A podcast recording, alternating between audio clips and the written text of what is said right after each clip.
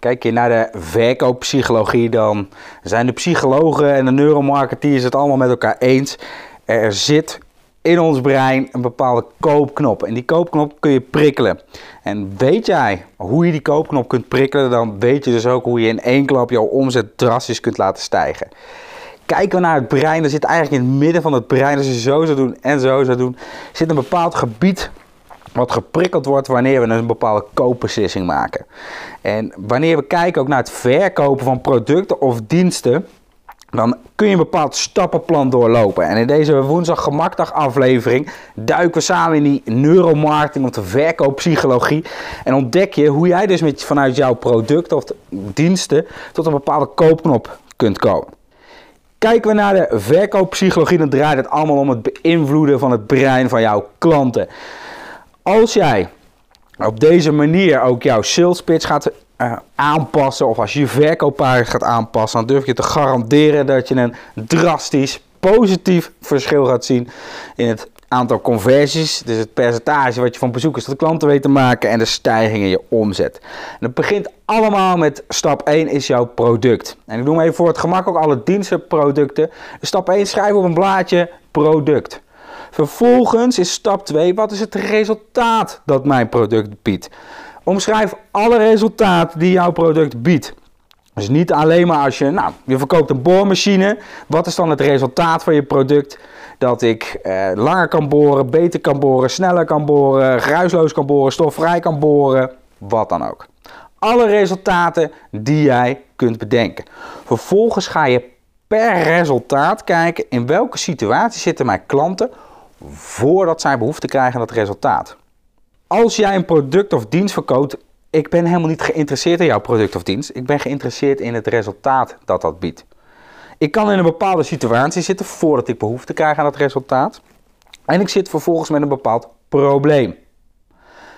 Als ik het zelf kan oplossen of als ik geen probleem heb, waarom zou ik jou dan inhuren of een nieuw product kopen? Achter dat probleem zit vervolgens een behoefte. Ik kan best een probleem hebben, maar eigenlijk geen behoefte hebben om het op te lossen. Of ik heb helemaal geen probleem, maar ik heb wel een behoefte naar een bepaald product of een dienst.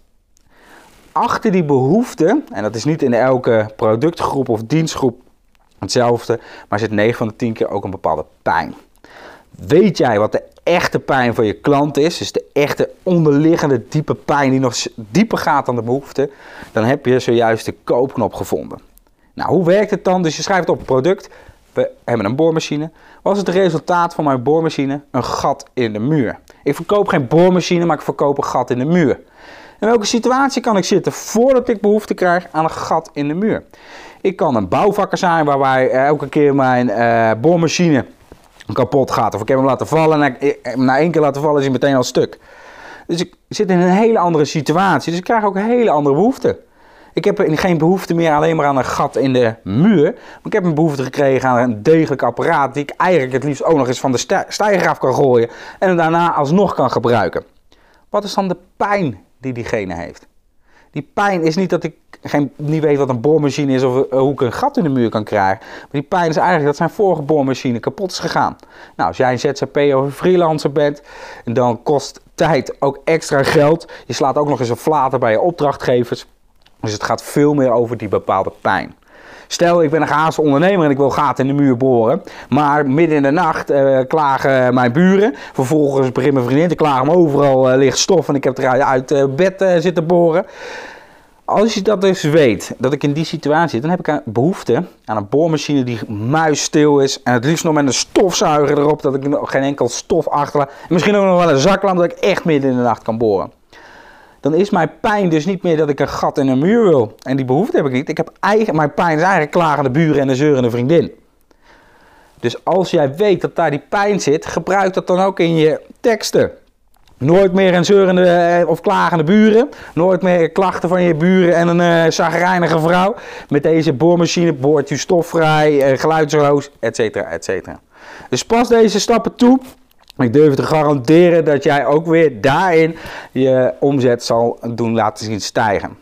Mocht je vragen hebben, opmerkingen, suggesties voor een volgende woensdag aflevering, laat het weten in, je, in de reacties. Wil je sowieso geen enkele aflevering meer missen? Zorg dan dat je ergens op abonneren en dat belletje klikt. En dan zie ik je bij de volgende aflevering.